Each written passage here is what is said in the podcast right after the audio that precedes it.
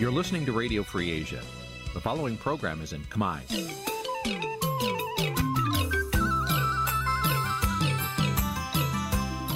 Nǐ chi càm bi tiệp xáy vệt chiu a zì sê នេះជាកម្មវិធីផ្សាយរបស់ Vithu Azisari ជាភាសាខ្មែរ វិទ្យុអាស៊ីសេរីសូមស្វាគមន៍លោកអ្នកនាងទាំងអស់ពីរដ្ឋធានី Washington នៃសហរដ្ឋអាមេរិក បាទផ្សាយផ្ទាល់ពីរដ្ឋធានី Washington ខ្ញុំបាទជួនច័ន្ទបុតស៊ូមជម្រាបសួរលោកអ្នកនាងកញ្ញានិងប្រិយមិត្តទាំងអស់ជាទីមេត្រី បាទយើងខ្ញុំសូមជូនកម្មវិធីផ្សាយសម្រាប់រាត្រីថ្ងៃពុធ100ខែទុតិយាសាទឆ្នាំថោះបញ្ញស័កពុទ្ធសករាជ2567ត្រូវនៅថ្ងៃទី2ខែសីហាគ្រិស្តសករាជ2023បាទជាដំបូងនេះសូមអញ្ជើញលោកអ្នកនាងស្ដាប់ព័ត៌មានប្រចាំថ្ងៃដែលមានមេត្តាដូចតទៅ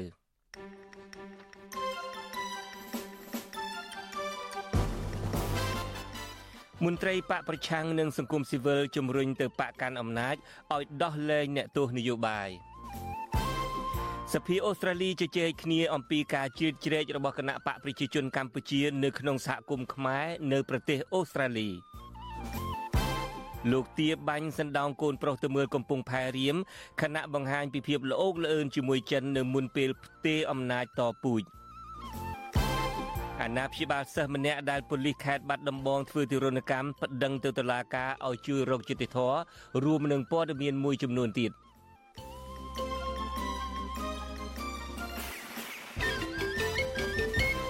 បាទជាបន្តទៅទៀតនេះខ្ញុំបាទជួនច័ន្ទបុតស៊ូមជូនព័ត៌មានទាំងនេះពិស្ដា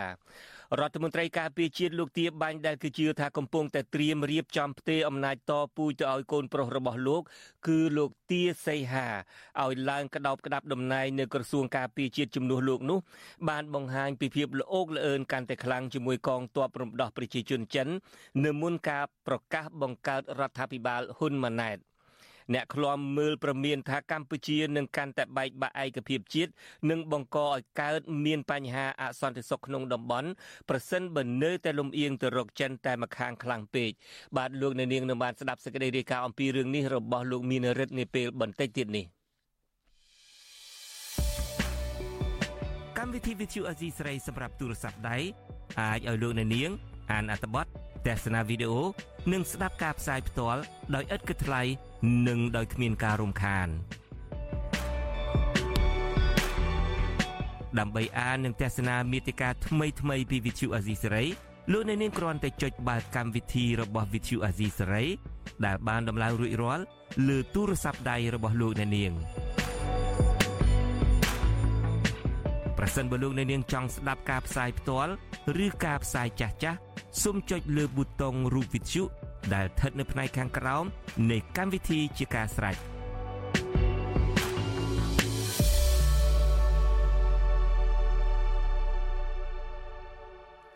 បាទលោកនាងកញ្ញាជាទីមិត្តរីអ្នកនយោបាយបកប្រឆាំងនិងមន្ត្រីសង្គមស៊ីវិលជំរុញទៅគណៈបកកាន់អំណាចថាគួរដោះលែងអ្នកទោសនយោបាយដើម្បី បង្ហាញពីការផ្សះផ្សាជាតិនិងការកែលម្អប្រជាធិបតេយ្យឡើងវិញទោះជាយ៉ាងណាមន្ត្រីគណៈបកកណ្ដាលអំណាចថារដ្ឋាភិបាលថ្មីដែលគ្រប់គ្រងដោយនាយករដ្ឋមន្ត្រីថ្មីហ៊ុនម៉ាណែតនៅតែរក្សាជំហរចាស់ដោយនឹងលោកហ៊ុនសែនដដែលគ្មានការដោះលែងអ្នកទោសមនសិការឡើយបាទលោកសេកបណ្ឌិតមានសេចក្តីរាយការណ៍អំពីរឿងនេះជូនលោកនាងពីរដ្ឋធានី Washington អ្នកនយោបាយគណៈបកប្រឆាំងនិងមន្ត្រីសង្គមស៊ីវិលលើកឡើងថា គួរដល់ពេលគណៈបកកាន់អំណាចបន្ធូរបន្ថយកម្ដៅនយោបាយហើយក្រោយគណៈបកនេះឈ្នះឆ្នោតដោយគ្មានគូប្រកួតប្រជែងពិតប្រាកដចូលរួមបោះឆ្នោត កាលពីពេលថ្មីថ្មីនេះពួកគេថាប្រសិនបើគណៈបកកាន់អំណាចផ្ដល់សេរីភាពដល់អ្នកនយោបាយដែលកំពុងជាប់ឃុំ និងអ្នកទោសមនសិការផ្សេងផ្សេងទៀតគឺជាការបង្ហាញគំរូថ្មី និងរបៀបដឹកនាំប្រទេសថ្មីរបស់អ្នកចំនួនក្រោយរបស់គណៈបកប្រជាជនកម្ពុជា។ អនុប្រធានគណៈបកភ្លើងទៀនលោករងឈុនលើកឡើងថាការកសាងប្រទេសបានរីកចម្រើន មានតែខ្មែរគ្រប់ភាគីត្រូវរើគ្នា លោករងឈុនសង្កេតឃើញថា នៅពេលនេះសំបីតែមេដឹកនាំយោធាភូមាក៏បានលើកលែងនិងដោះលែងអ្នកទោសនយោបាយនៅប្រទេសនេះដែរដូច្នេះលោករងឈុនយល់ថារដ្ឋាភិបាលរបស់គណៈបកប្រជាជនកម្ពុជា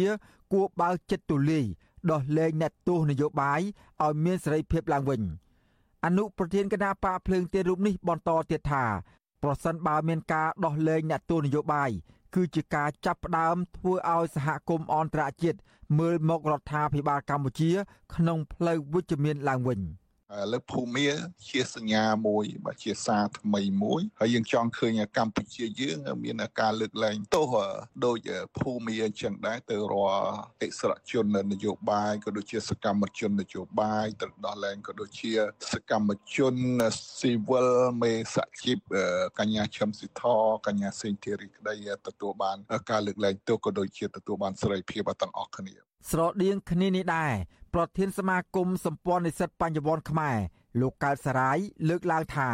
ប្រសិនបើអ្នកនយោបាយបន្តវេនរបស់គណៈបកប្រជាជនកម្ពុជា គឺលោកហ៊ុនម៉ាណែត ដែលគ្រងដឹកនាំរដ្ឋាភិបាលនាពេលខាងមុខនេះ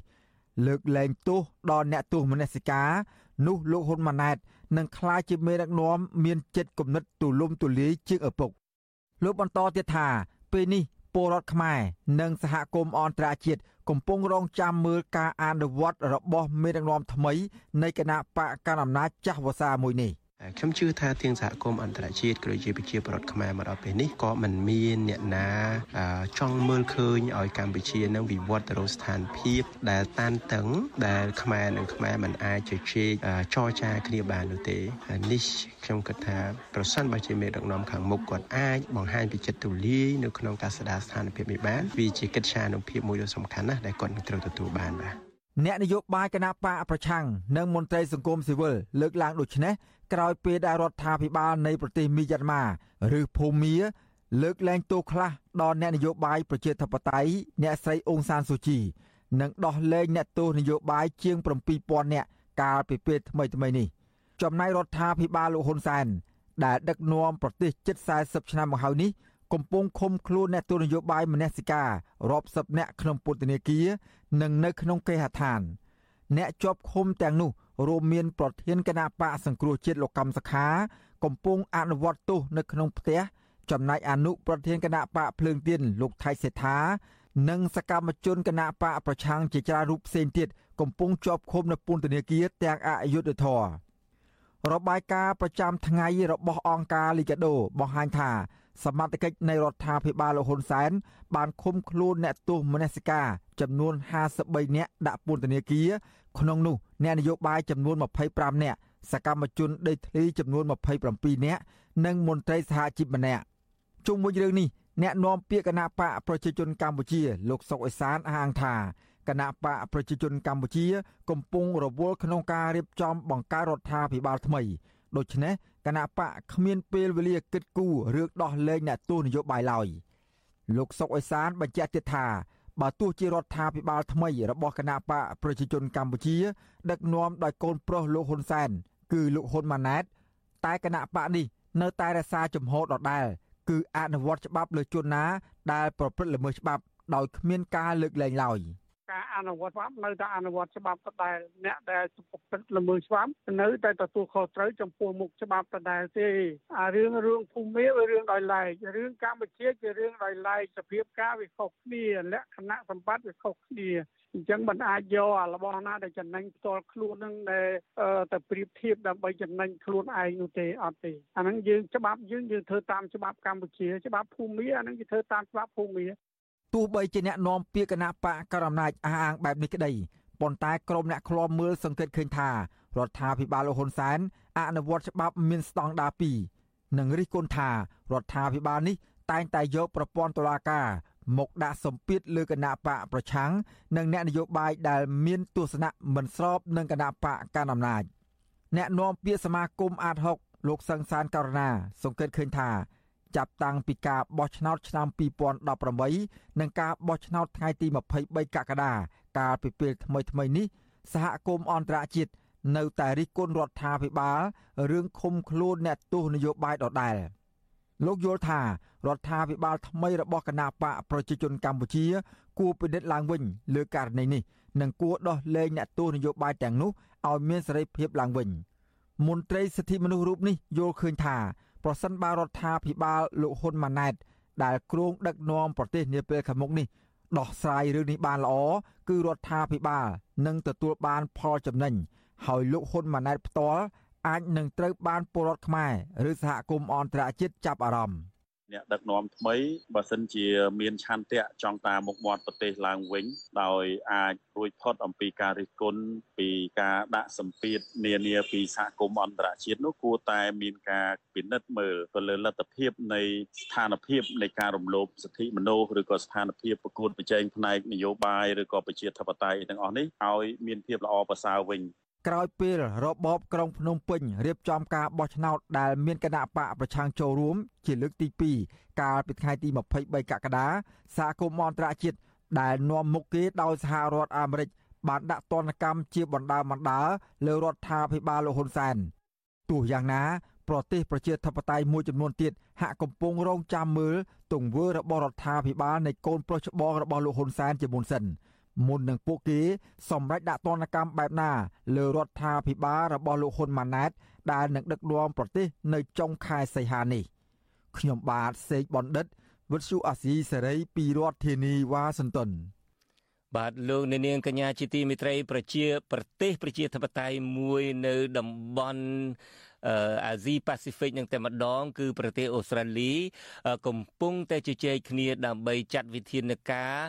លើរបបរបស់លោកហ៊ុនសែនហើយ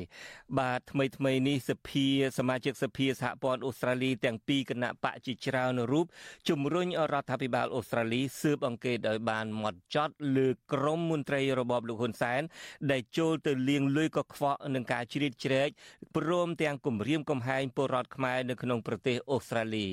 បាទការស្នើសុំនេះធ្វើឡើងដោយសមាជិកសភាទាំងពីរគណៈបកទាំងម្ដងគឺគណៈបកពលករ Labor Party ដែលកំពុងកាន់អំណាចនិងគណៈបកសេរី Labor Party ដែលជាគណៈបកប្រឆាំងដ៏មានឥទ្ធិពលនៅប្រទេសអូស្ត្រាលី បាទហេតុអ្វីបានជាសភាអូស្ត្រាលីកាន់តែច្រើនចាប់អារម្មណ៍និងជំរុញឲ្យចាត់វិធានការលើក្រមរបស់លោកហ៊ុនសែនចូលមកជ្រៀតជ្រែកសហគមន៍នៅក្នុងប្រទេសអូស្ត្រាលី បាទនាពេលបន្តិចទៀតនេះលោកថាថៃដែលជាអ្នកឆ្លើយឆ្លងព័ត៌មានរបស់វិទ្យុអាស៊ីសេរីប្រចាំតំបន់អាស៊ីប៉ាស៊ីហ្វិកនឹងឡើងមកបកស្រាយផ្ទាល់តែម្ដង អំពីកិច្ចពិភាក្សារបស់សមាជិកសភាទាំងពីរក្រុមនៅក្នុងសភាជាតិអូស្ត្រាលីនេះហើយតើរដ្ឋាភិបាលនឹងទទួលយកសំណើរបស់សភាឬទេ លោកថាថៃនឹងមានការបកស្រាយនៅពេលបន្តិចទៀតនេះផ្ទាល់តែម្ដងហើយចេះបងជុនច័ន្ទបុតមុននឹងបញ្ចប់នឹងខ្ញុំចង់និយាយតែមួយម៉ាត់ពីរម៉ាត់ទៀតទេ ជាមនុស្សជាប្រជាពលរដ្ឋខ្មែរទី1ការចំនួនរាជានិយមយើងហៅថាចំនួនសម្ដេចឪនឹងហើយការចំនួនសាធារណរដ្ឋយើងនិយាយថាចំនួនលោកសេនាប្រមុខលន់នល់ឬមួយគេហៅសង្គមចាស់សង្គមចាស់ការពីសង្គមចាស់ការពីសង្គមចាស់ការពីចំនួនខ្មែរក្រហមហៅគេហៅចំនួនអាពតចំនួនអាពត ខ្ញុំជាខ្មែរខ្ញុំមិនចង់ហៅនាយករដ្ឋមន្ត្រីខ្មែរថាចំនួនអាហ៊ុនសែននោះទេខ្ញុំសង្ឃឹមថា នៅក្នុងជីវិតរបស់ខ្ញុំខ្ញុំមិនចង់ប្រើសម្ដីដែលអសុរោះទៅលើអ្នកដឹកនាំទេដូច្នេះបើសិនជាលោកហ៊ុនសែនឬសូមជួយកែប្រែចរិតកែប្រែមាយាទផង ដើម្បីកុំឲ្យដល់ពេលអស់តំណែងទៅ គេហៅរបបហ៊ុនសែន យ៉ាងយើងបញ្ចប់ការផ្សាយរបស់យើងតែប៉ុណ្្នឹងខ្ញុំកណាក៏សូមក្រាបថ្វាយបង្គំលាហើយសូមគោរពលាលោកអ្នកនាងកញ្ញាទាំងអស់យើងនឹងជួបគ្នានៅសប្តាហ៍ក្រោយទៀត បាទលោកអ្នកនាងកញ្ញាជាទីមេត្រីប្រសិនបើលោកអ្នកនាងខកខានមិនបានស្ដាប់ឬក៏ទស្សនាកម្មវិធី podcast របស់អាស៊ីសេរីកម្ពុជាសប្តាហ៍នេះលោកអ្នកនាងអាចស្វែងរកកម្មវិធី podcast នេះ តាមបណ្ដាញ podcast នានាដូចជា Apple Podcast Google Podcast ជាដើម ហើយសូមអញ្ជើញលោកអ្នកនាងសរសេរនៅក្នុង ប្រអប់ស្វែងរក ថាកម្ពុជាសប្តាហ៍នេះជាភាសាខ្មែរឬមួយ Cambodia This Week ជាភាសាអង់គ្លេសនោះលោកអ្នកនាងនឹងបានឃើញនៅកម្មវិធីរបស់យើងហើយលោកអ្នកនាងអាចស្ដាប់ឡើងវិញបានបាទសូមអរគុណ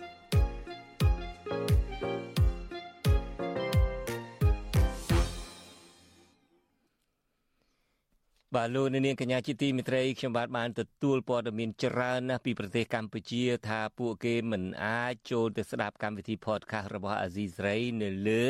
កម្មវិធី Apple Podcast បាន បាទក្រុមបច្ចេកទេសរបស់យើងកំពុងតែព្យាយាមតាមដានមើលថាតើការដែលលោកនាងនៅប្រទេសកម្ពុជាមិនអាចបើកស្ដាប់ podcast តាម Apple Podcast នេះ មានការរាំងខ្ទប់ ពីសំណាក់អាជ្ញាធរនៅប្រទេសកម្ពុជាឬយ៉ាងណាក៏ប៉ុន្តែទោះជាយ៉ាងណាក៏ដោយចុះបើសិនជាលោកអ្នកនាងខកខានមិនបានស្ដាប់កម្មវិធីនេះនៅលើ Apple Podcast តែម្ដងលោកអ្នកនាងក៏អាចស្ដាប់ដែលយើងចាក់ផ្សាយឡើងវិញនៅរៀលនៅរៀងរាល់រាត្រីថ្ងៃច័ន្ទបាទបាទសូមអរគុណបាទលោកនាងកញ្ញាជាទីមេត្រីអាណាព្យាបាលសិស្សម្នាក់នៅស្រុកថ្មគោលដែលអះអាងថាប៉ូលីសមូលដ្ឋានវាយធ្វើទរណកម្មកូនរបស់បកគាត់បណ្ដាលឲ្យរបួសធ្ងន់ក្នុងពេលសួរចម្លើយ បានប្តឹងទៅសាលាដំបងខេត្តបាត់ដំបង ដើម្បីទាមទារយករដ្ឋធម៌មន្ត្រីសង្គមស៊ីវិលលើកឡើងថាករណីនេះជាការធ្វើទរណកម្មធ្ងន់ធ្ងរនិងជាអំពើខុសច្បាប់ ដែលសមត្ថកិច្ចពាក់ព័ន្ធគួរតែចាត់វិធានការទៅលើជនប្រព្រឹត្តតាមច្បាប់ បាទយើងប្រកុលនីតិនេះជូនលោកនៅវណ្ណរិនរាយការណ៍ជូនលោកនាងពីរដ្ឋធានី Washington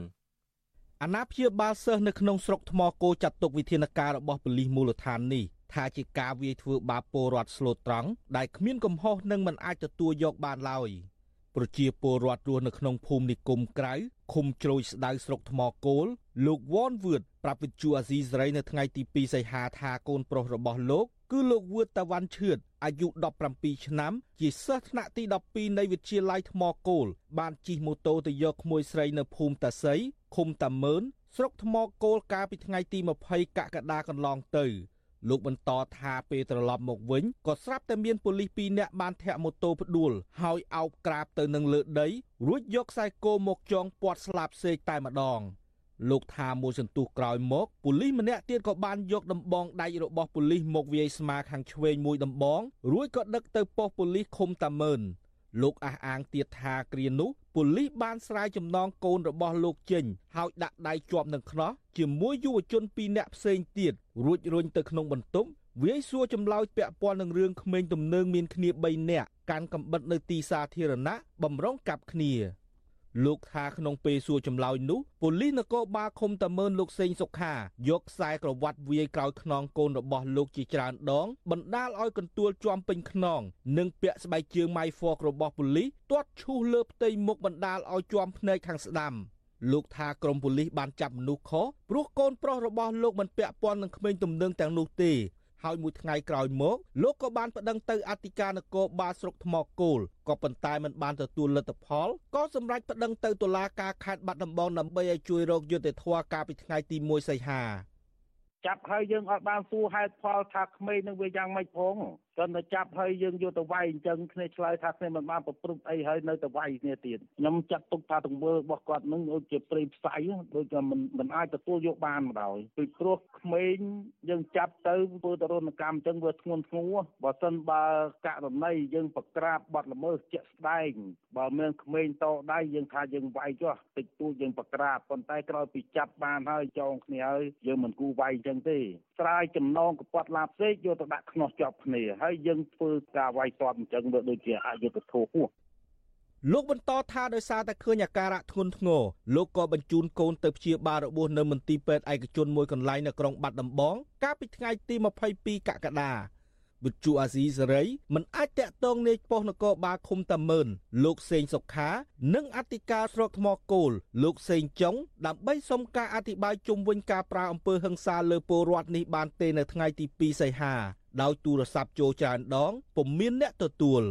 ចំណែកស្នងការនគរបាលខេត្តបាត់ដំបងលោកសាទកំសានក៏មិនអាចតាក់ទងបានដែរ ក៏ប៉ុន្តែលោកវ៉នវឿតឲ្យដឹងថានាយប៉ុស្តិ៍នគរបាលឃុំតាមើនលោកសេងសុខាប្រាប់លោកថាមិនបានវាយធ្វើទរណកម្មកូនរបស់លោកនោះទេតែយ៉ាងណាសម្បត្តិពេទ្យចុះថ្ងៃទី22កក្កដាឲ្យដឹងថាយុវជនវឿនតាវ៉ាន់ឈឿតបានព្យាបាលរបួសខ្នងជាច្រើនកន្លែង ក្បាលជង្គង់ខាងឆ្វេង និងភ្នែកខាងស្ដាំ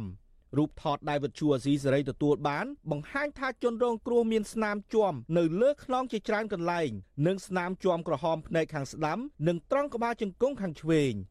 ជុំវិញរឿងនេះមន្ត្រីសម្របសម្រួលសមាគមការពារសិទ្ធិមនុស្សខេត្តបាត់ដំបងនិងប៉ៃលិនលោកយិនមេងលី មានប្រសាសន៍ថាករណីនេះគឺជាករណីធ្វើទារុណកម្មធ្ងន់ធ្ងរនិងជាអំពើខុសច្បាប់ដែលសមត្ថកិច្ចពាក់ព័ន្ធគួរតែស្រាវជ្រាវចាប់ជនប្រព្រឹត្តមកផ្ដន់ទាទោសឲ្យបានធ្ងន់ធ្ងរស្របតាមច្បាប់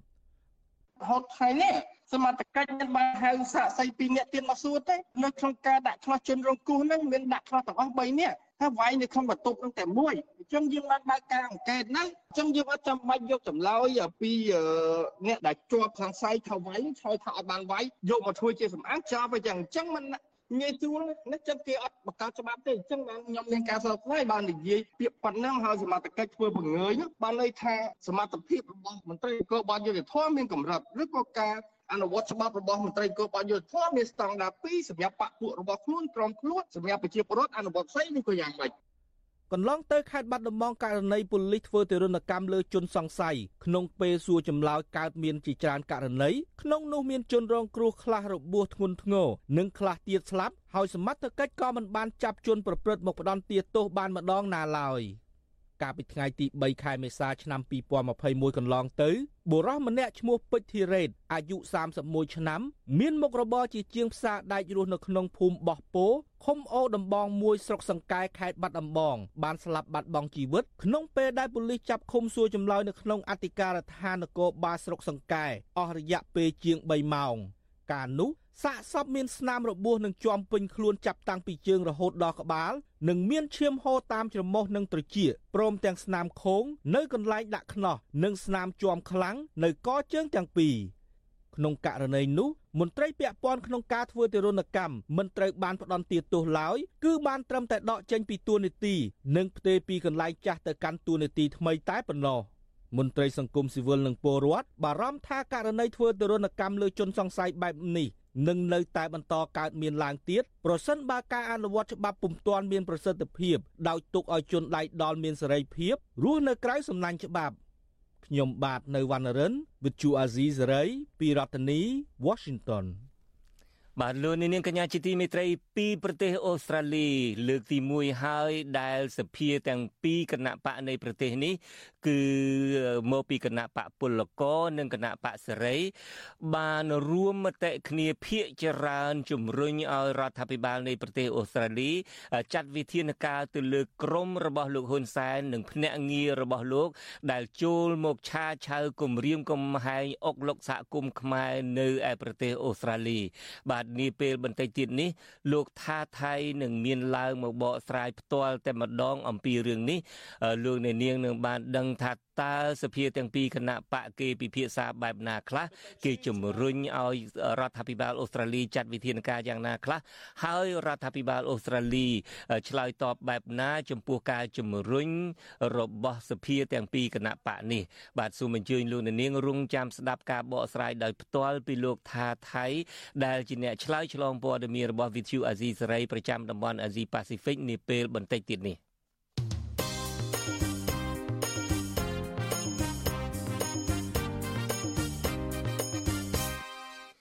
បាទលោកនាងកញ្ញាជាទីមេត្រីអ្នកប្រកបរបររថកង់3រាប់រយនាក់ក្នុងរាជធានីភ្នំពេញ បានសម្រេចចិត្តឈប់ជួលបន្ទប់ស្នាក់នៅ ហើយ សម្រាកនៅលើកង់3របស់ខ្លួនវិញ ដោយសារតែរោគប្រាក់ចំណូលមិនបាន ប្រធានសមាគមប្រជាធិបតេយ្យនៃសេដ្ឋកិច្ចក្រៅប្រព័ន្ធលើកឡើងថាបញ្ហាចំណូលធ្លាក់ចុះការហូបចុកនិងដេកមិនគ្រប់គ្រាន់នេះធ្វើឲ្យប៉ះពាល់ដល់សុខភាពអ្នករត់កង់3បាទសូមអញ្ជើញលោកអ្នកនាងទស្សនាវីដេអូមួយរបស់លោកជាតិចំណានអំពីរឿងនេះ thank you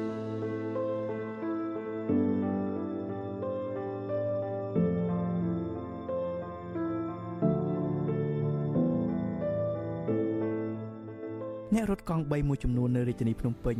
ត្អូញត្អែថាប្រាក់ចំណូលរបស់ពួកគាត់ធ្លាក់ចុះខ្លាំងដែលបណ្ដាលឲ្យពួកគាត់មិនមានលុយគ្រប់គ្រាន់សម្រាប់បង់ថ្លៃបន្ទប់ជួលទើបសម្រាប់ចិត្តដេកនៅលើកង់3បើទោះបីជាមានការលំបាកនៅពេលដែលមានភ្លៀងនិងត្រូវមូសខាំក៏ដោយ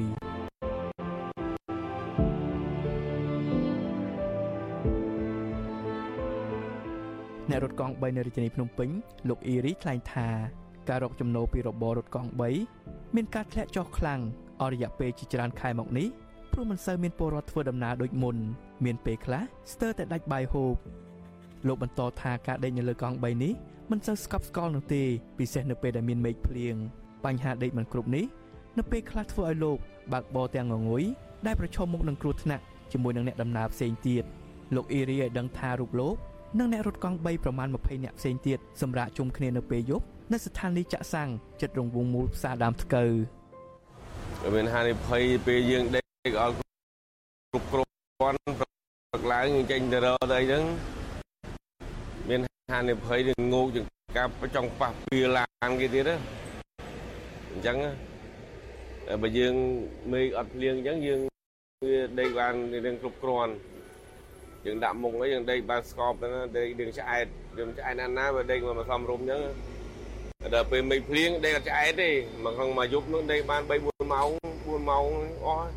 4 5ម៉ោងអស់ហើយដល់ពេលព្រឹកឡើងចេញទៅរកចេញទៅរកស៊ីជាងការមានងោកតាមផ្លូវក៏មានដែរកោកទាំងបីងោកចង់ប្របុកឡាននេះម្ដងម្ដងអញ្ចឹងលោកអ៊ីរីនិងប្រពន្ធមកពីខេត្តព្រៃវែងបានជួលបន្ទប់មួយនៅក្នុងរាជធានីភ្នំពេញហើយប្រពន្ធរបស់លោកធ្វើការរោងចក្រ ប៉ុន្តែលោកថានៅដើមឆ្នាំ2023នេះរោងចក្រដែលប្រពន្ធលោកធ្វើការនោះបានបិទហើយប្រាក់ចំណូលរត់កង់3ក៏ថយចុះលោកក៏សម្រេចចិត្តឲ្យប្រពន្ធទៅស្រុកវិញហើយលោកឈប់ជួលបន្ទប់ដោយសម្រេចដេកនៅលើកង់3រាល់យប់អ្នកប្រកបរបររថកង់3ភ ieck ច្រើននៅភ្នំពេញមិនមានលទ្ធភាពជួលបន្ទប់នោះទេពួកគេបាននាំគ្នាដេកនៅលើកង់3របស់ខ្លួននៅតាមស្ថានីយ៍ចាក់សាំងនិងតាមចំណតរថយន្តឈ្នួលឯកជននៅពេលយប់ព្រោះគិតថាទីតាំងទាំងនោះមានសុវត្ថិភាពអ្នករត់កង់3ម្នាក់ទៀតដែលមានស្រុកកំណើតមកពីខេត្តតាកែវលោកហេងសុភ័ក្រត្អូញត្អែដែរថារាល់ថ្ងៃលោកមិនអាចរកចំណូលបានដូចមុននោះទេលោកត្រូវក្រោករត់កង់3តាំងពីម៉ោង6ព្រឹករហូតដល់ម៉ោង11យប់ចំណែកការចំណាយវិញលោកត្រូវចំណាយច្រើនជាងចំណូលដូចជាការហូបចុកថ្លៃហ្គាសនិងត្រូវបង់សងធនាគារក្នុងមួយខែជិត300ដុល្លារមុនវងខ្ញុំនៅផ្ទះជួលដែរទេផ្ទះជួលដែរក្នុងមួយខែយើងនៅខាងទួលបរហ្នឹងមកទៅជួលយើងជួលមួយខែ50 50ចឹងយើងផ្ញើកង់3ផ្ញើអីគេទៀតទៅហើយទៅពេលយូរយូរទៅយើងរកវាមិនសូវបានទៅអីចឹងអាកោបចុកយើងក៏យើងត្រូវកាត់បន្ថយដែរពេលយើងចូលតែជួលអញ្ចឹងគិតសពសពទៅឃើញបងប្អូនគាត់គាត់ដេកលើ WhatsApp សួរតំណែងតំណងគាត់ទៅវាអាចសល់មួយចំណាយតូចដែរអូវាយើងដេកនឹងគ្រប់គ្រាន់អីចឹងចំណែកអ្នករត់កង់3ម្នាក់ទៀតដែលមានស្រុកកំណើតមកពីខេត្តបន្ទាយមានជ័យបានមករត់កង់3នៅរាជធានីភ្នំពេញ អស់រយៈពេលជាង2ឆ្នាំមកហើយលោកជួបសេងងាកំពុងព្រួយបារម្ភពីសុខភាពព្រោះបច្ចុប្បន្នលោកដេកនៅលើកង់3បានតែ4ម៉ោងក្នុងមួយថ្ងៃខណៈលោកកំពុងមានជំងឺសន្លាក់ដៃជើងជាញឹកញាប់ព្រោះដេកមិនគ្រប់គ្រាន់ដែលធ្វើឲ្យសុខភាពកាន់តែទ្រុឌទ្រោមហើយររាល់ថ្ងៃនេះក៏រកអត់សូវបានវាសូវមានចំណូលចូលអូនអត់សូវភ្ញៀវអត់សូវមានដើរអញ្ចឹងថ្ងៃណាក៏បានទៅថ្ងៃណាក៏អត់ទៅថ្ងៃណាសឹងតែរកបាយហូបមិនមានហ្មង ដូចយើងធម្មតាចាតស៊ូទៅមិនដឹងតែធ្វើអីរាល់ថ្ងៃសុខថ្ងៃយើង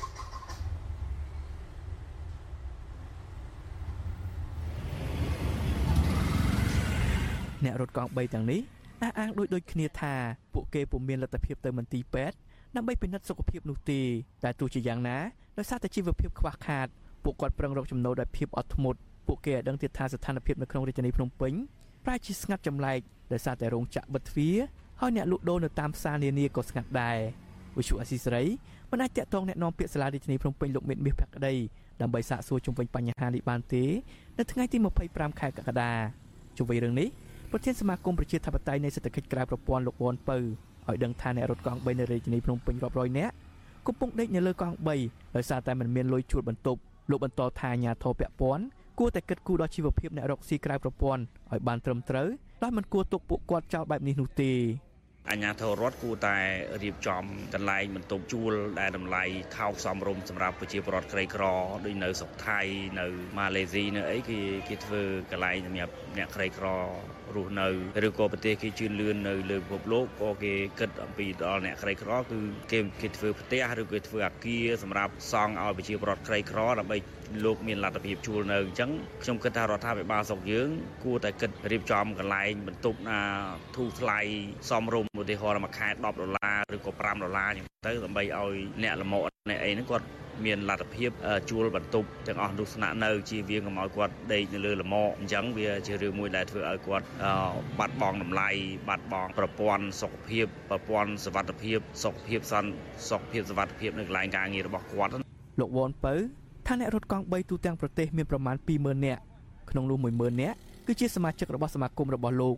លោកថាបញ្ហាចំណូលធ្លាក់ចុះការហូបចុកនិងសម្រាប់មិនគ្រប់គ្រាន់នេះជាមូលហេតុធ្វើឲ្យចំនួនអ្នករត់កង់3ជួបគ្រោះថ្នាក់ចរាចរណ៍ មានការកើនឡើងដែលមានអ្នកខ្លះបាត់បង់ជីវិតនិងអ្នកខ្លះទៀតរងរបួសធ្ងន់ហើយអ្នករត់កង់3ប្រមាណ90%កំពុងជាប់បំណុលខ្ញុំបាទជាចំណាន Visual Assisray ប្រធានាទី Washington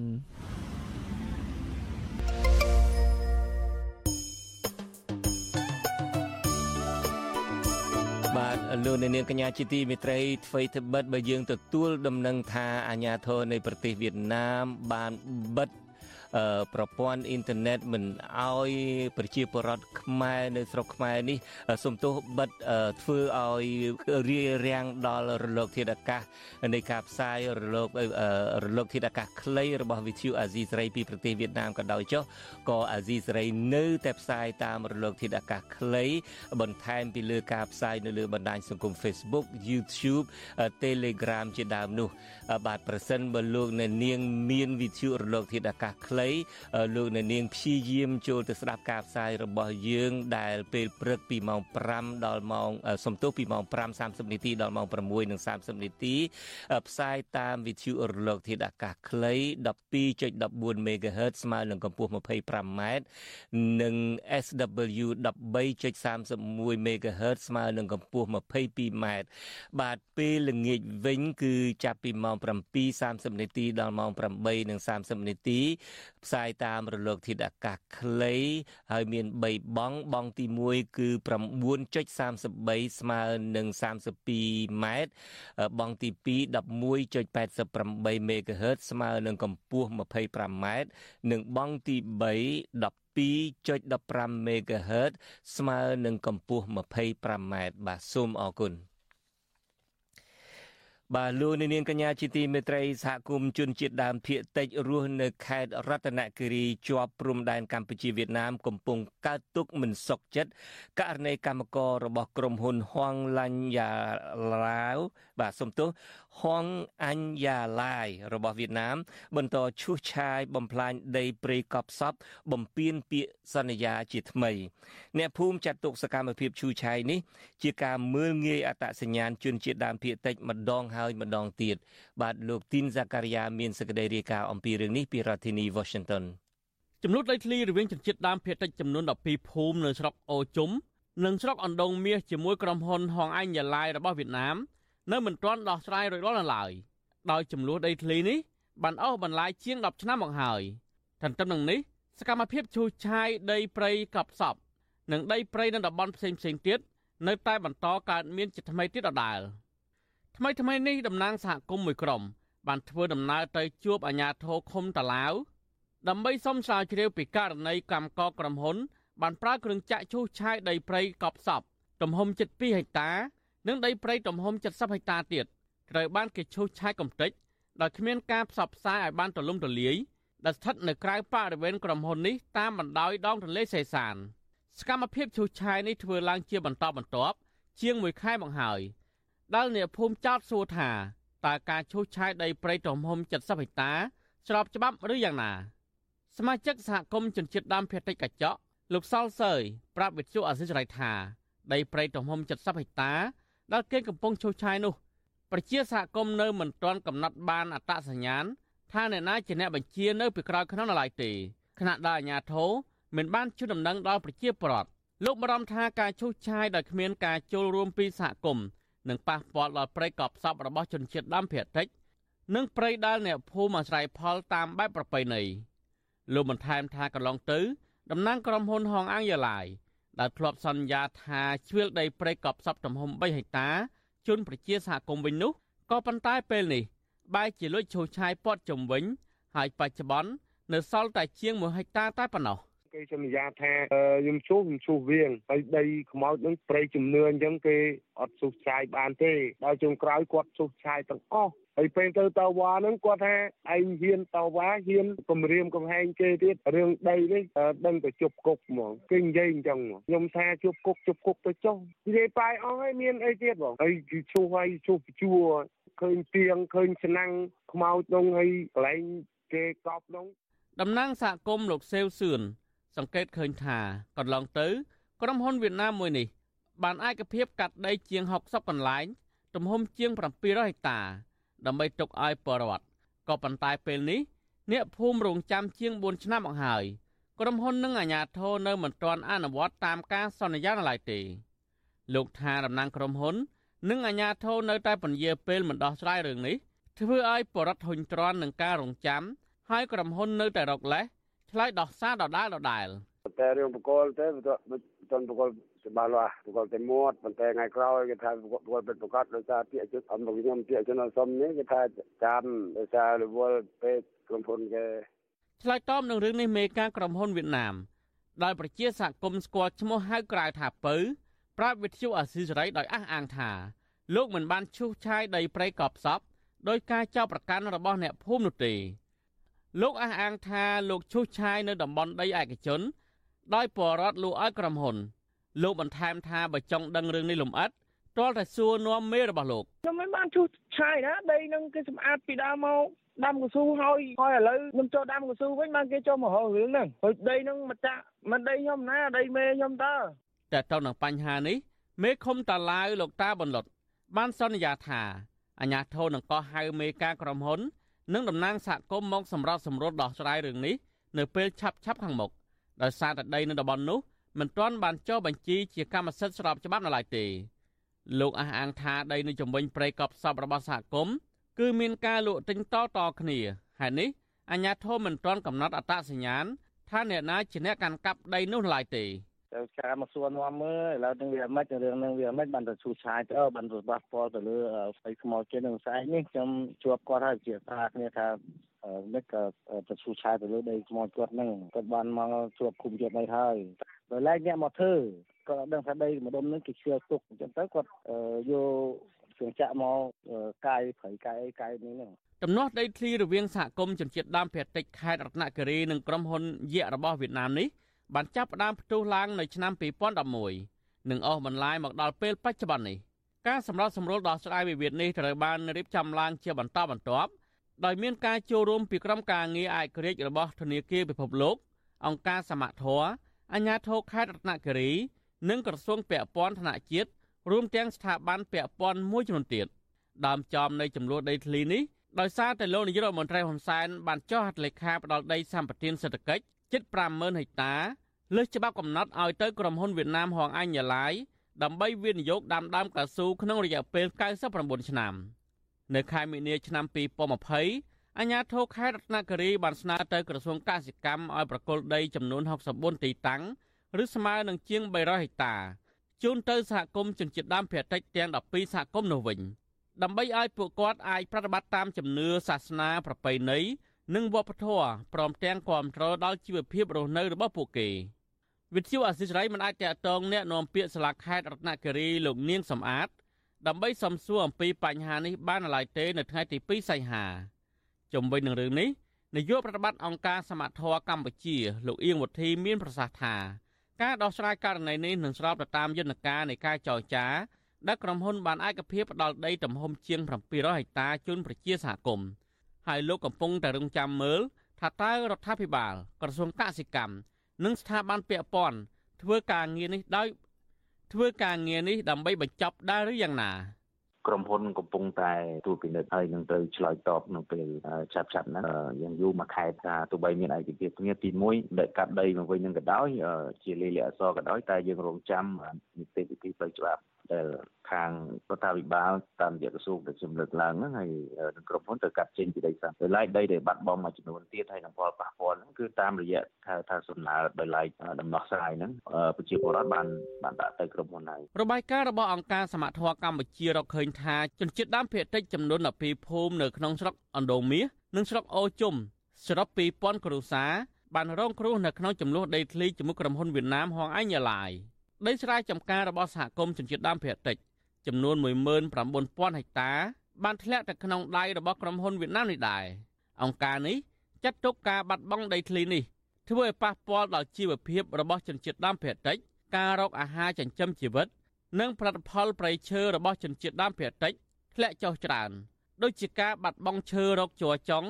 ការរកត្រីឃ្មុំអុសថ្នាំបុរាណសត្វព្រៃផ្លែឈើព្រៃ បន្លាយព្រៃវល្លិនិងផ្ដៅជាដើមតើតើនឹងបញ្ហានេះអង្គការឃ្លាំមើលពិភពលោកធ្លាប់បានរកឃើញថាការវិនិយោគរបស់ក្រុមហ៊ុនហួងអញយ៉ាឡាយបានធ្វើឲ្យប្រជាសហគមន៍បាត់បង់ដីស្រែចម្ការប្រភពទឹកលទ្ធភាពចូលទៅក្នុងព្រៃបាត់បង់ប្រាក់ចំណូលព្រមទាំងប្រឈមនឹងការគំរាមកំហែងដល់អាយុជីវិតឬការចាប់ខ្លួននៅពេលពួកគាត់ព្យាយាមតវ៉ារឿងចំនួនដីធ្លីនេះអង្គការអន្តរជាតិនេះរកឃើញថាក្រុមហ៊ុនយក្សរបស់វៀតណាមមួយនេះ មានពាក់ព័ន្ធនឹងការរកស៊ីឈើខុសច្បាប់នៅកម្ពុជាដែរខ្ញុំបាទទីនសាការីយ៉ាអស៊ីសេរីប្រធានាធិបតី Washington បាទលោកនាងជាទីមេត្រីរដ្ឋមន្ត្រីការពារជាតិលោកទាបាញ់ដែលគេជឿថាកំពុងតែត្រៀមរៀបចំផ្ទេរអំណាចតពូជទៅឲ្យកូនប្រុសរបស់លោក គឺលោកទាសីហាឲ្យឡើងក្តោបក្តាប់តំណែងក្រសួងការពារជាតិជំនួសលោកនោះបានបង្ហាញពីភាពល្អអូកល្អឿនកាន់តែខ្លាំងជាមួយកងទ័ពប្រជាជនចិន នៅមុនការប្រកាសបង្កើតរដ្ឋាភិបាលហ៊ុនម៉ាណែតថ្មីនេះអ្នកឃ្លាំមើលព្រមានថាកម្ពុជានឹងកាន់តែបែកបាក់ឯកភាពជាតិនិងបង្កឲ្យកើតមានបញ្ហាអសន្តិសុខក្នុងតំបន់ប្រសិនបើនៅតែលំអៀងទៅរកចិន តែម្ខាងខ្លាំងពេកនោះ បាទលោកមានរិទ្ធមានសេចក្តីរាយការណ៍អំពីរឿងនេះជូនលោកនៅនាងពីរដ្ឋធានី Washington នៅមុនការប្រសូតរដ្ឋាភិបាលថ្មី ដែលជាការផ្ទេរអំណាចតពូជរបស់លោកហ៊ុនសែននិងមន្ត្រីជាន់ខ្ពស់គណៈបកប្រជាជនកម្ពុជាប្រមុខការពារជាតិកម្ពុជា លោកទាបាញ់បានចាប់ផ្ដើមជួយឡងសេឲ្យកូនប្រុសរបស់លោក គឺលោកទាសីហា នៅក្នុងកម្មវិធីធំធំគួរឲ្យកត់សម្គាល់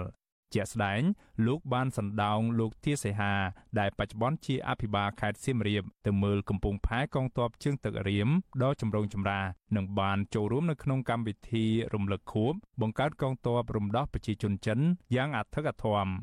ព័ត៌មាននៃការសណ្ដោងកូនប្រុសរបស់លោកទៅមើលកំពង់ផែកងទ័ពជើងទឹករៀមនេះត្រូវបានកាសែតអន្តរជាតិយកទៅចុះផ្សាយព្រមព្រៀងស្របពេលដែលមានសេចក្តីរាយការណ៍ថាកម្ពុជាគ្រោងនឹងបិទបញ្ចប់គម្រោងធ្វើទំនើបកម្មកំពង់ផែកងទ័ពជើងទឹករៀមនេះនារយៈពេលដ៏ខ្លីខាងមុខ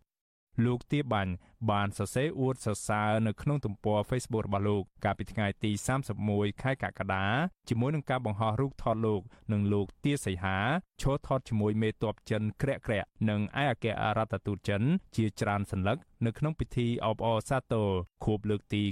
96នៃការបង្កើតកងទ័ពរំដោះប្រជាជនចិនថាក្នុងសម័យទំនើប កងទ័ពរំដោះប្រជាជនចិន បានអភិវឌ្ឍវិស័យការពារជាតិរបស់ខ្លួនរីកចម្រើន និងលើកកម្ពស់សមត្ថភាពកងទ័ពជើងគោកជើងទឹកជើងអាកាសសម្រាប់ការពារជាតិមាតុភូមិការពារអធិបតេយ្យជាតិទឹកដីនិងសន្តិសុខជាតិបានយ៉ាងរឹងមាំរីឯនៅក្នុងរូបថតពាក់ព័ន្ធទៅនឹងសកម្មភាពចុះត្រួតពិនិត្យនៅកំពង់ផែរៀមវិញលោកទាបាញ់សរសេរថាការដ្ឋានសាងសង់មូលដ្ឋានទ័ពនៅសមុទ្ររៀមកំពុងដំណើរការទៅយ៉ាងសកម្មដោយផែនការគ្រោងទុក លោកអះអាងថាការធ្វើទំនើបកម្មកំពង់ផែរៀមក្រោមជំនួយរបស់រដ្ឋាភិបាលចិននឹងធ្វើឲ្យកំពង់ផែមួយនេះក្លាយជាសំណង់ដ៏ធំមួយនៅក្នុងការលើកកម្ពស់សមត្ថភាពកងទ័ពជើងទឹកឲ្យកាន់តែមានភាពរីកចម្រើន មួយកម្រិតទៀតនាពេលអនាគតវិសុវស៊ីស្រីមិនអាចតាក់ទងរដ្ឋមន្ត្រីការពារជាតិលោកទាបាញ់និងអ្នកនាំពាក្យក្រសួងការពារជាតិលោកឈុំសុជាតិ ដើម្បីសូមអត្ថាធិប្បាយជុំវិញរឿងនេះបាននៅឡើយទេនៅថ្ងៃទី2ខែសីហាចំណែកអគ្គមេបញ្ជាការរងនៃកងយុទ្ធពលខេមរៈភូមិន្ទនិងជាមេបញ្ជាការកងទ័ពជើងទឹក លោកទាវិញប្រាប់ថាលោកមិនធ្វើអត្ថាធិប្បាយជុំវិញរឿងនេះទេទោះជាយ៉ាងណាអ្នកនាំពាក្យក្រសួងការពារជាតិលោកឈុំសុជាតិបានថ្លែងប្រាប់ទីភ្នាក់ងារសារព័ត៌មានបារាំង AFP កាលពីថ្ងៃទី25ខែកក្កដាថា គម្រោងធ្វើទំនើបកម្មកំពង់ផែរៀមជាតិបិទបញ្ចប់ហើយនឹងក្រុងដាក់សម្ពោធឲ្យប្រើប្រាស់នៅក្នុងពេលដ៏ខ្លីខាងមុខនេះលោកពុំបានបញ្ជាក់ពីកាលបរិច្ឆេទជាក់លាក់នៅឡើយទេ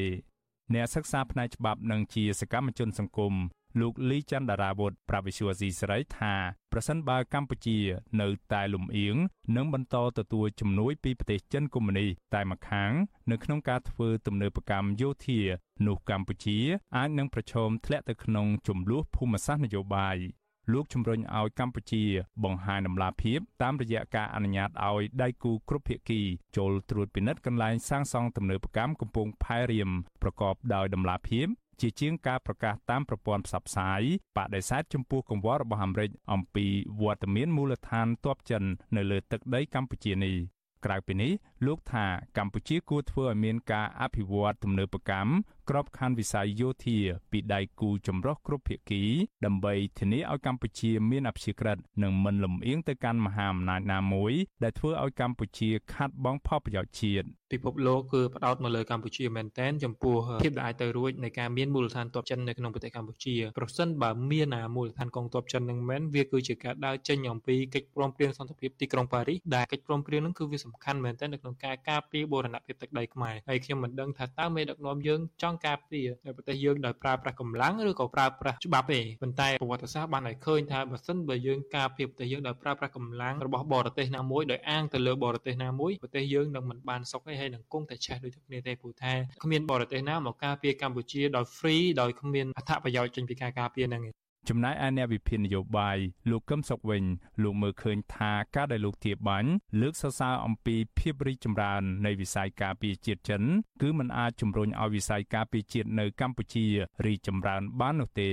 ផ្ទុយទៅវិញ លោកថាវាជាការបង្ហាញថាកម្ពុជាមិនបានរក្សាជំហរអព្យាក្រឹតរបស់ខ្លួន និងលំអៀងទៅរកប្រទេសចិនកុម្មុយនី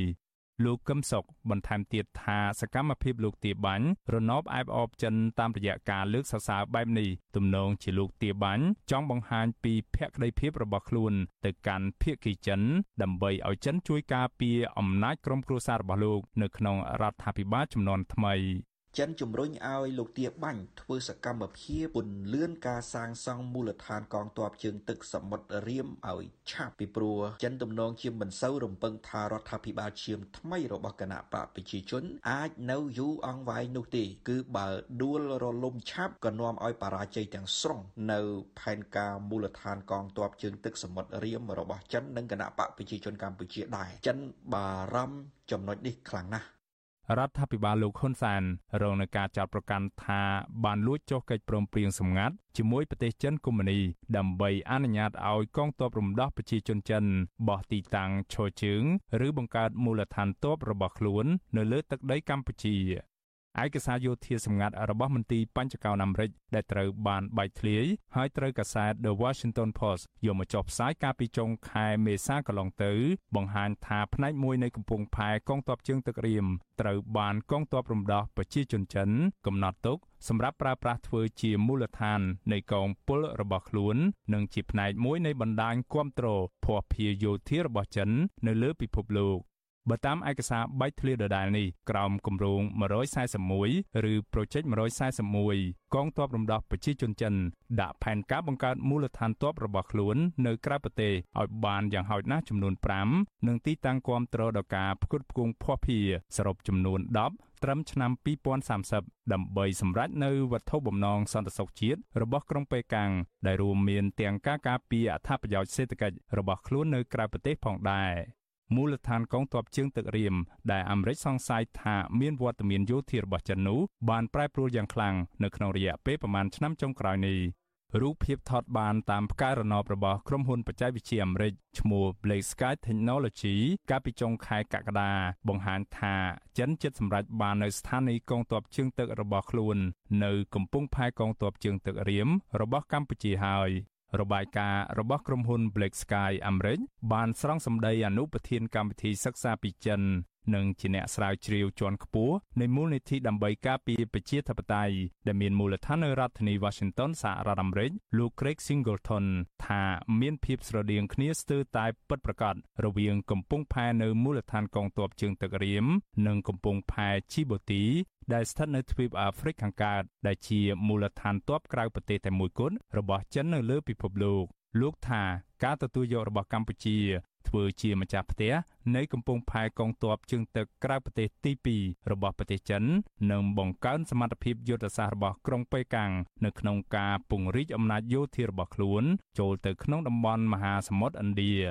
រីឯអ្នកសិក្សាស្រាវជ្រាវជាន់ខ្ពស់នៃកម្មវិធីការពារជាតិនៃមជ្ឈមណ្ឌលសន្តិសុខអាមេរិកថ្មីលោក Tom Shugart បានប្រាប់ Visual C ស្រីថាប្រៀបធៀបទៅនឹងរូបភាពតាមផ្កាយរណបកាលពីខែកុម្ភៈកន្លងទៅផែសម្ចតថ្មីនៅកំពង់ផែកងទ័ពជើងទឹករៀមត្រូវបានពង្រីកនៅក្នុងប្រវែងប្រមាណ300ម៉ែត្រ លោកថាផែសម្ចរនេះអាចអនុញ្ញាតឲ្យកប៉ាល់ចម្បាំងទាំងមូលនៃកងទ័ពរំដោះប្រជាជនចិនរួមទាំងកប៉ាល់ផ្ទុកយន្តហោះចម្បាំងរបស់ចិនប្រភេទ003 Fujian អាចចូលចតនៅកំពង់ផែកងទ័ពជើងទឹករៀមនេះបានក្រៅពីនេះរូបភាពតាមផ្កាយរណបក៏បានបង្ហាញឲ្យឃើញពីសកម្មភាពពង្រីកផ្ទៃដី នៅភូមិខាងត្បូងនៃកំពង់ផែមូលដ្ឋានទ័ពរៀមកើនទំហំធំជាងមុន3ដង គឺច្រើនជាង3ហិកតាបន្ថែមទៀត ខ្ញុំបានមេរិត Visual C ស្រីពីរដ្ឋធានី Washington បាទលោកនាងកញ្ញាជាទីមេត្រីសភាសហព័ន្ធអូស្ត្រាលីបានជជែកពីការជ្រៀតជ្រែករបស់គណៈគណៈបកប្រជាជនកម្ពុជា ទៅក្នុងសហគមន៍ខ្មែរអូស្ត្រាលីដែលបណ្ដាលឲ្យមានការបែកបាក់សាមគ្គីភាព រវាងខ្មែរនិងខ្មែរនៅទីនោះសមាជិកសភាអូស្ត្រាលីលើកឡើងថាការជ្រៀតជ្រែកនេះគឺជាការគំរាមកំហែងដល់អ្នកប្រជាធិបតេយ្យនិយម និងអ្នកធ្វើការងារបម្រើសហគមន៍មួយចំនួន ការព្រួយបារម្ភរបស់សភាសហព័ន្ធអូស្ត្រាលីនេះស្របពេលដែលសហគមន៍ខ្មែរនៅក្នុងប្រទេសនេះកំពុងតែព្រួយបារម្ភពីការលូកដៃរបស់មន្ត្រីរដ្ឋាភិបាលលោកហ៊ុនសែនភ្នាក់ងារលោកហ៊ុនសែនចូលទៅអូសទាញនិងបំបែកសហគមន៍ខ្មែរនៅទីនោះ បាទនៅក្នុងការផ្សាយនារីត្រីនេះក្រុមការងាររបស់យើងនៅប្រទេសអូស្ត្រាលីនឹងមានសេចក្តីរាយការណ៍លម្អិតអំពីរឿងនេះយើងចាប់ផ្ដើមពីសេចក្តីរាយការណ៍របស់លោកតារារាជសែនបន្ទាប់មកយើងនឹងមានការបកស្រាយផ្ទាល់បន្ថែមរបស់លោកថាថៃបាទជាដំបូងនេះគឺជាសេចក្តីរាយការណ៍របស់លោកតារារាជសែនកាលពីថ្ងៃទី31កក្កដាកន្លងទៅនេះតំណាងរាជសហព័ន្ធអូស្ត្រាលី8រូបមកពីគណៈបកធំទាំងពីរគឺគណៈបកពលករដែលជាគណៈបកកណ្ដាលអំណាចនិងគណៈបកសេរីនិយមដែលជាគណៈបកប្រឆាំងបានជជែកដេញដោលគ្នាអំពីវិធានការដើម្បីឆ្លើយតបចំពោះការជ្រៀតជ្រែកពីសំណាក់គណៈបកប្រជាជនរបស់លោកហ៊ុនសែនក្នុងប្រទេសអូស្ត្រាលីដែលប្រធានបទនេះត្រូវបានតំណាងរាស្ត្រទាំង8រូប បានស្រោះស្រួលគ្នាក្នុងការជំរុញឲ្យរដ្ឋាភិបាល បន្តចាត់វិធានការទៅលើការគម្រាមកំហែងមកលើពលរដ្ឋខ្មែរអូស្ត្រាលី មានដូចជាតំណាងរាស្ត្រដើមកំណត់ខ្មែរលោកតាក់មិញហៀងនិងលោកហុងលឹមអតីតតំណាងរាស្ត្រអូស្ត្រាលីដើមកំណត់ខ្មែរជាដើមតំណាងរាស្ត្រមកពីគណៈបកពលករលោក Julian Hill បានលើកឡើងថាគណៈបករបស់លោកបានខ្នះខ្នែងក្នុងរយៈកាលចុងក្រោយនេះ ចាត់វិធានការនិងយល់អំពីបញ្ហាដែលសហគមន៍ខ្មែរនៅអូស្ត្រាលីកំពុងប្រឈមជាមួយគណៈបកប្រជាជនកម្ពុជា ដែលមានលោកហ៊ុនសែនជាជនផ្ដាច់ការជាអ្នកបញ្ជានៅពីក្រោយ។លោកបានលើកអំពីការជួបប្រជុំផ្ទាល់ជាមួយថ្នាក់ដឹកនាំខ្មែរមកពីបណ្ដារដ្ឋនានាក្នុងប្រទេសអូស្ត្រាលីដើម្បីកត់សម្គាល់ទុកនៅអ្វីដែលពួកគាត់កំពុងព្រួយបារម្ភតំណាងរាស្ត្ររូបនេះបន្តថារដ្ឋាភិបាលដែលកំពុងកាន់អំណាចគឺគណៈបកពលករ បានសហការយ៉ាងមុតមមជាមួយក្រសួងពាក់ព័ន្ធនានាតាមដានសកម្មភាពណា ដែលប្រឆាំងពីច្បាប់ដូចជាការគម្រាមកំហែងនិងអំពើហិង្សាជាដើមដើម្បីចាត់វិធានការភ្លាមៗចំណែកតំណាងរាស្ត្រដទៃទៀតពីគណៈបកសេរីនិយមបានសម្ដែងការគាំទ្រទៅលើវិធានការទាំងនេះនិងការជំរុញឲ្យក្រសួងពាក់ព័ន្ធផ្សេងទៀតមានដូចជាភ្នាក់ងារស៊ើបអង្កេតពិសេសអូស្ត្រាលី ASIO បង្កើនសកម្មភាពបន្ថែមទៀតដើម្បីតាមដានសកម្មភាព នៃការជ្រៀតជ្រែកពីរដ្ឋបរទេសជាពិសេសអ្វីដែលពលរដ្ឋខ្មែរមានការភ័យខ្លាចក្នុងការសម្ដែងមតិដោយសេរីហើយអ្នកខ្លះខ្លាចមានការធ្វើទុកបុកម្នេញទៅលើបងប្អូនរបស់ពួកគាត់នៅប្រទេសកម្ពុជានិងមិនហ៊ានទៅលេងប្រទេសកំណើតខ្លួនតែម្ដងប្រធានសមាគមខ្មែរនៅទីក្រុងមែលប៊នបានលើកឡើងថាប្រទេសអូស្ត្រាលី ជាប្រទេសប្រជាធិបតេយ្យពិតប្រាកដដូច្នោះមិនថាគណៈបកមួយណាកាន់អំណាចទេ គេតែងតែចាត់វិធានការ ទៅលើអំពើមិនស្របច្បាប់ណា ដែលប៉ះពាល់ដល់សេចក្តីសុខសន្តិសុខនិងសវត្ថិភាពរបស់ពលរដ្ឋគេក្នុងគណៈបកអឺជំទាស់ក៏ដូចជាផ្នែកខាងរដ្ឋាភិបាលដែរទាំងគណៈបក Labor ហើយនិងគណៈបក Coalition ហ្នឹងទាំងពីរហ្នឹងគឺគេគេដូចគ្នា មានគោលគំនិតដូចគ្នា គឺថាគេគេមិនចង់ឲ្យប្រទេសក្រៅហ្នឹងចូលមកជ្រៀតជ្រែករឿងរបស់ប្រទេសអូស្ត្រាលីហ្នឹងទេប្រជាជនអូស្ត្រាលីទេដូចជាយើងឃើញហើយដែល ការដែលក្រមខាងគណៈបក CPP ហ្នឹងគណៈបកប្រជាជនហ្នឹងបានមកបំបែកបំបាក់សង្គមខ្មែរយើងនៅប្រទេសអូស្ត្រាលីនេះលោកជីយូហូនប្រធានសមាគមខ្មែរនៅទីក្រុងមែលប៊នរំលឹកពលរដ្ឋខ្មែរអូស្ត្រាលីថារដ្ឋាភិបាលអូស្ត្រាលីនៅឈរជាមួយប្រជាជនខ្មែរជានិច្ចដោយសពថ្ងៃនេះមានការយកចិត្តទុកដាក់ពីសំណាក់តំណាងរាស្ត្រអូស្ត្រាលីជាច្រើនដែលពួកគាត់ជាតំណាងឲ្យពលរដ្ឋខ្មែរក្នុងសភាអូស្ត្រាលីផងដែរនោះ លោកជីយូហូនបានរំលឹកអំពីការថ្លែងសាររបស់មន្ត្រីក្រសួងមហាផ្ទៃលោកស្រី Claire O'Neil ដែលបានសន្យាថាមិនអត់ឱនឲ្យជនណាដែលប្រព្រឹត្តអំពើហិង្សាណាមួយដែលរដ្ឋាភិបាលអូស្ត្រាលីយល់ឃើញថាជាការជ្រៀតជ្រែកពីរដ្ឋបរទេសអឺលោកស្រី Cleo Neal ហ្នឹងដែលជាខាងកុងសីក្រសួងមហាផ្ទៃហ្នឹងគឺបានជួយពង្រឹងលើកទឹកចិត្តរបស់យើងទាំងអស់គ្នានឹងឲ្យរឹងមាំ ហើយដើម្បីធ្វើការតទៅមុខទៀតជាមួយនឹងរដ្ឋាភិបាលប្រទេសអូស្ត្រាលីបាទកាលពីខែឧសភាលោកស្រី Claire O'Neil ដែលជារដ្ឋមន្ត្រីក្រសួងមហាផ្ទៃនៃរដ្ឋាភិបាលអូស្ត្រាលី បានបញ្ជាក់ពីគោលការណ៍ច្បាស់លាស់របស់រាជរដ្ឋាភិបាលអូស្ត្រាលី ដែលកំពុងចាត់វិធានការទៅលើការជ្រៀតជ្រែកពីសំណាក់រដ្ឋបរទេសហើយអាជ្ញាធរសន្តិសុខអូស្ត្រាលី និងក្រសួងពាក់ព័ន្ធកំពុងធ្វើការងារនេះដោយយកចិត្តទុកដាក់និងម៉ត់ចត់បំផុតខ្ញុំ ដារ៉ារីជសែន with you Azizari ទីក្រុង Adelaide បាទពីទីក្រុងមែលប៊ននៃប្រទេសអូស្ត្រាលីដែលយើងមានអ្នករាយការណ៍ព័ត៌មានរបស់យើងគឺលោកថាថៃឡើងមករាយការណ៍បន្ថែមអំពីសកម្មភាពរបស់សភាសហព័ន្ធនៃប្រទេសអូស្ត្រាលីទាំងពីរគណៈបកនេះតើគេទៅជែកគ្នាអំពីរឿងអីហើយអ្នកណាខ្លះដែលជាសមាជិកសភាសហព័ន្ធទាំងពីរគណៈបកនោះដែលដួចផ្ដើមឲ្យមានការពិភាក្សាជំរុញរដ្ឋាភិបាលអូស្ត្រាលីដាក់គំនាបចាត់វិធានការទៅលើភ្នាក់ងាររបស់លោកហ៊ុនសែនដែលគេចាត់ទុកថាចូលមកជ្រៀតជ្រែកអុកលុយសហគមន៍ខ្មែរលុកលុយសហគមន៍ខ្មែរនៅឯប្រទេសអូស្ត្រាលីនេះបាទជំរាបសួរថៃបាទបាទសូមជំរាបសួរលោកជុនច័ន្ទបុតនិងសូមជំរាបសួរដល់ប្រិយមិត្តអ្នកស្ដាប់វិទ្យុអាស៊ីសេរីផងបាទ បាទនៅប្រទេសអូស្ត្រាលីថៃមើលទៅនឹងហាក់ដូចជាមានសកម្មភាពឈានមុខសម្បើមណាស់ក្នុងការទប់ស្កាត់មិនឲ្យភ្នាក់ងាររបស់ក្រមលោកហ៊ុនសែនក្រមលោកហ៊ុនម៉ាណែតនេះចូលមកអុកលុកបំបែកសហគមន៍នេះហើយការជជែកនៅក្នុងសភាសភាសហព័ន្ធអូស្ត្រាលីនេះមានការជជែកម្ដងជាពីរដងហើយក៏ប៉ុន្តែបើតាមដែលលោកតារារាជសែនរាយការណ៍មកនឹងថានេះគឺជាលើកទី1ហើយដែលសភាទាំងពីរគណៈបកតែម្ដង គឺពីគណៈបកពលករផង ពីគណៈបកសេរីនឹងផងហាក់ដូចជាមូលមតិគ្នា ក្នុងការជំរុញឲ្យរដ្ឋាភិបាលអូស្ត្រាលីចាត់វិធានការនេះ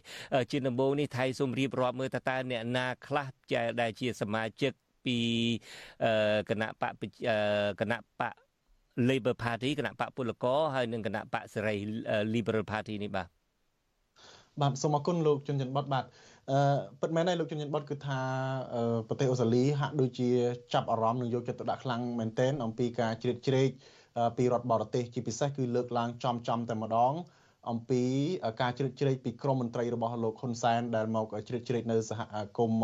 ខ្មែរនៅប្រទេសអូស្ត្រាលីនេះបើទោះបីជាកម្ពុជានឹងជាប្រទេសតូចមួយក៏ដោយចោះកន្លងមកយើងលឺថាការជ្រៀតជ្រែកនេះគេយកចិត្តទុកដាក់ចំពោះតែប្រទេសធំធំទេមានចិនមានរុស្ស៊ីក៏ប៉ុន្តែបែរជាមានកម្ពុជា ដែលជាប្រទេសតូចមួយគ្មានអំណាចយោធានឹងត្រូវបានគេដាក់ឈ្មោះនៅក្នុងបញ្ជីដែលត្រូវបានគេតាមដាននិងស៊ើបអង្កេតដោយយកចិត្តទុកដាក់បំផុតហើយជាពិសេសត្រូវបានខ្លាយជាប្រធានបទដ៏សំខាន់នៅក្នុងសភារបស់អូស្ត្រាលីថែមទៀតអឺខ្ញុំសូមបញ្ជាក់ដែរថាកាលពីថ្ងៃទី31ខែកក្កដាហ្នឹងគឺសមាជិកសភាអូស្ត្រាលីចំនួន8រូប ដែលបានលើកឡើងជជែកពាក់ព័ន្ធទៅនឹងការជ្រៀតជ្រែកពីរដ្ឋាភិបាលបរទេសនឹងបាទនៅក្នុងនឹងក្នុងចំណោម8រូបនឹងគឺមាន3រូបមកពីខាងគណៈបកពលករឬក៏គណៈបក Labor គឺរួមមានលោក Julian Hill បាទលោក Matt Burnell និងលោក Graham Perret ចំណែកពីគណៈបកសេរីវិញមានចំនួន5រូបគឺលោក Dan Rapachuli និងលោក Michael Sugar លោក James Steven លោក Russell Broadbent និងលោកស្រី Karen Andrew ហើយនៅក្នុងតកតងទៅនឹងរឿងអ្នកដែលបានស្នើឲ្យមានការជជែកទៅលើរឿងហ្នឹងគឺអ្នកស្រី Karen Andrew នឹងតែម្ដងសូមបញ្ជាក់ថាអ្នកស្រី Karen Andrew នឹងគឺជាសមាជិកសភាសហព័ន្ធតំបន់ McPherson ហើយលោកស្រីធ្លាប់កាន់តំណែងជារដ្ឋមន្ត្រីក្រសួងឧស្សាហកម្មវិទ្យាសាស្ត្រហើយនិងបច្ចេកវិទ្យានិងជារដ្ឋមន្ត្រីក្រសួងមហាផ្ទៃនៅពេលដែលរដ្ឋាភិបាលអូស្ត្រាលីដឹកនាំដោយគណៈបក Labor គណៈបក Liberal នោះបាទបាទសម្រាប់ពេលនេះខ្ញុំបាទជួនច័ន្ទបុតព្រមទាំងលោកថាថៃនិងក្រុមការងារទាំងអស់នៃ VTU អាស៊ីសេរីសូមអរគុណលោកនាងកញ្ញាដែលតាមដានស្ដាប់ការផ្សាយរបស់យើងហើយសូមជម្រាបលាតែត្រឹមនេះបាទរាត្រីសួស្តីបាទសូមអរគុណសូមជម្រាបលាបាទ